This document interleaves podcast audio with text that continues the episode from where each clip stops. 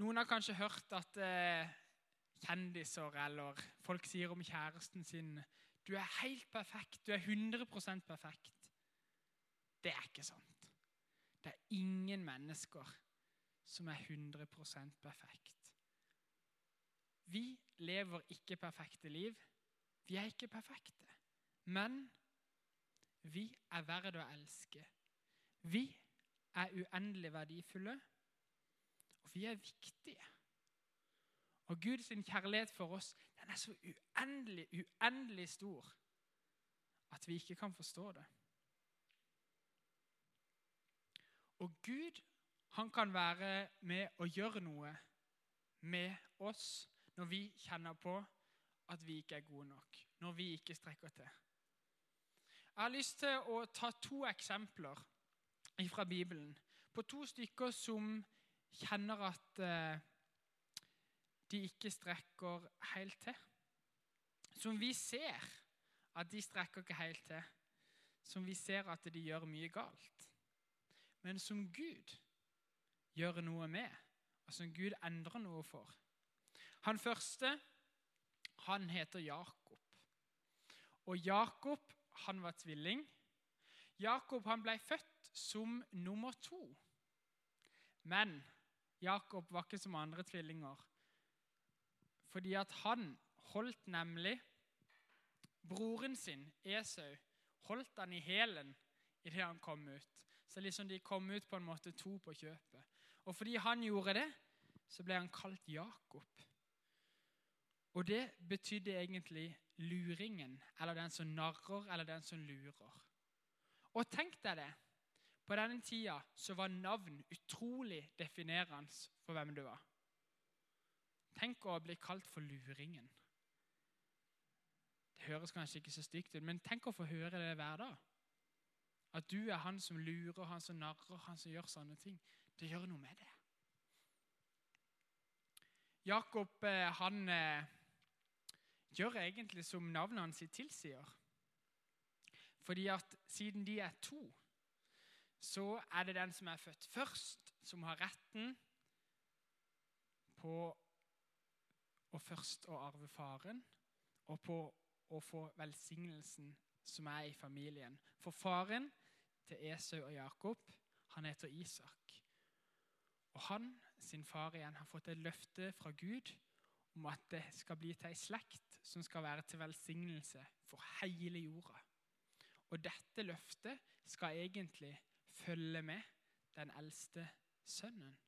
Og idet faren, Isak, skal til å dø, så lurer Jakob. Han later som at han er Esau, mens Esau ikke er hjemme. Og han lurer til seg velsignelsen fra sin far. Og broren han blir rasende. Og Jakob ender opp med å flykte. Der skjer det ganske mange ting med han. Han blir lurt, og han lurer. Han følger egentlig sin skjebne. Men det skjer noe. Det skjer noe i hans sitt liv. På et tidspunkt så får han et syn hvor han ser sånn som en stige som går opp til himmelen. Og det gjør noe med han. Seinere så bestemmer Jakob seg for at han skal reise tilbake til broren sin og gjøre opp. På veien dit så skjer det noe. Han får familien over en elv og lar de raste der for kvelden. Og han sjøl sover på andre sida av elva. Og den natta så får han et møte med Gud. Og Han beskriver det som om at han kjempa med Gud. Og når han gjorde det, så sier Gud til Jakob at du skal ikke lenger hete Jakob, men du skal hete Israel. Jakob betydde luringen. Israel det betydde den som kjemper med Gud, eller Gud kjemper. Tenk deg de forskjellige skjebnene. Tenk deg de forskjellige navnene. Gud sa noe annet enn det han hadde hørt hele livet sitt. Og det førte til noe annet i hans sitt liv. Han ble faktisk stamfaren til den slekta som var med og velsigna hele verden. En annen Da må vi reise noen år fremover i tid. Han het Simon. Og Simon er det kanskje ikke så mange som kjenner, men han så Jesus noe i. Jesus så at dette er en mann som har mye i seg, som har så stort potensial, som har noe som ligger i han, og som han så. Og Jesus han kalte ikke han for Simon lenger, men han kalte han for Kefas, eller Peter. Og det betyr klippen. Og Peter, han ble en viktig leder. Peter, han ble den som var med å bringe de gode nyhetene om Jesus ut i hele verden. Men det var virkelig noen humper i veien. For jeg kan love deg at Peter kjente at han ikke var god nok. På et tidspunkt så går Peter på vannet med Jesus. Tenk deg det. Da føler du deg fet. Du går på vannet, og så plutselig så synker du.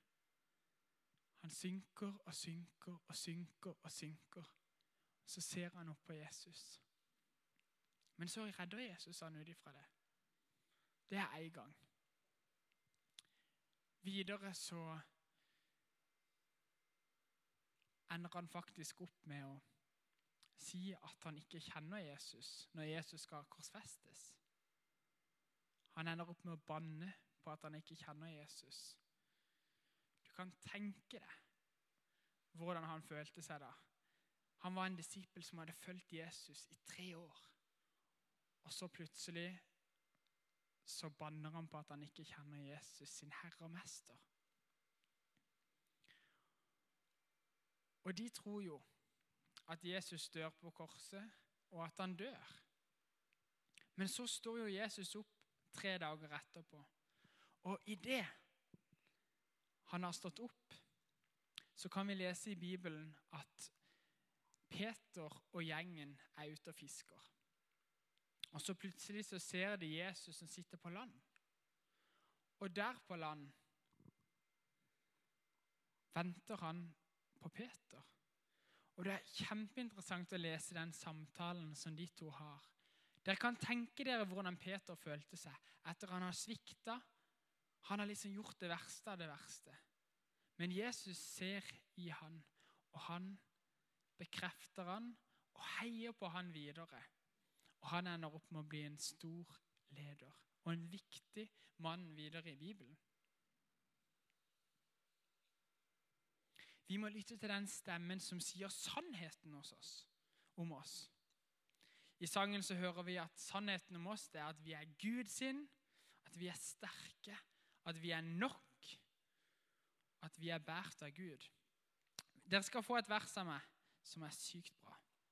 Andre Korinterbrev 12, 9 og 10.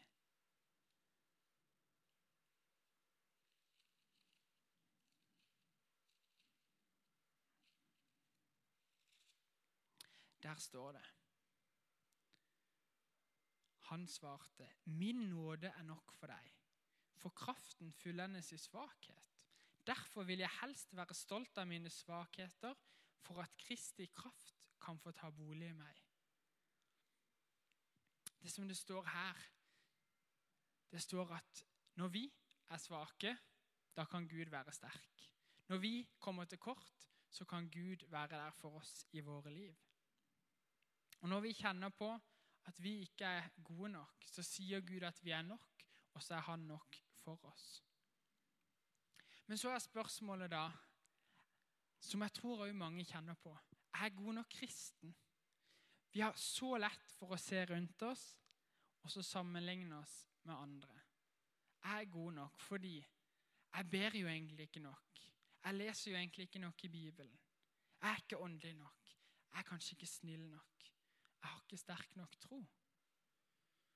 Vi føler at vi må strekke til. Vi føler at det å komme til Gud er som et fjell som vi skal liksom klatre opp og gjøre alt vi kan for å komme opp til Gud sjøl.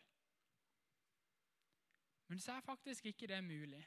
For ingen av oss kan komme opp til Gud sjøl. Ingen av oss hadde noensinne klart det. Derfor er vi så heldige at Jesus han har kommet ned fra det fjellet, og han har kommet ned til oss. Så vi slipper å strekke til. Så vi slipper å strekke oss. Og det betyr at vi er gode nok. Vi kan høre på det som Gud sier, at vi er hans sine, selv på vår verste dag. At vi kan være sterke når vi tror vi er svake fordi Gud er med på laget. At vi er nok selv når vi ikke strekker til, fordi Gud, han strekker til. Jeg har lyst til å avslutte med at vi kan eh, faktisk lukke øynene igjen. Og så kan det hende at du kan kjenne det igjen på et eller annet område. Så du kjenner at 'jeg er ikke god nok på dette området'. Du vet hva det området er.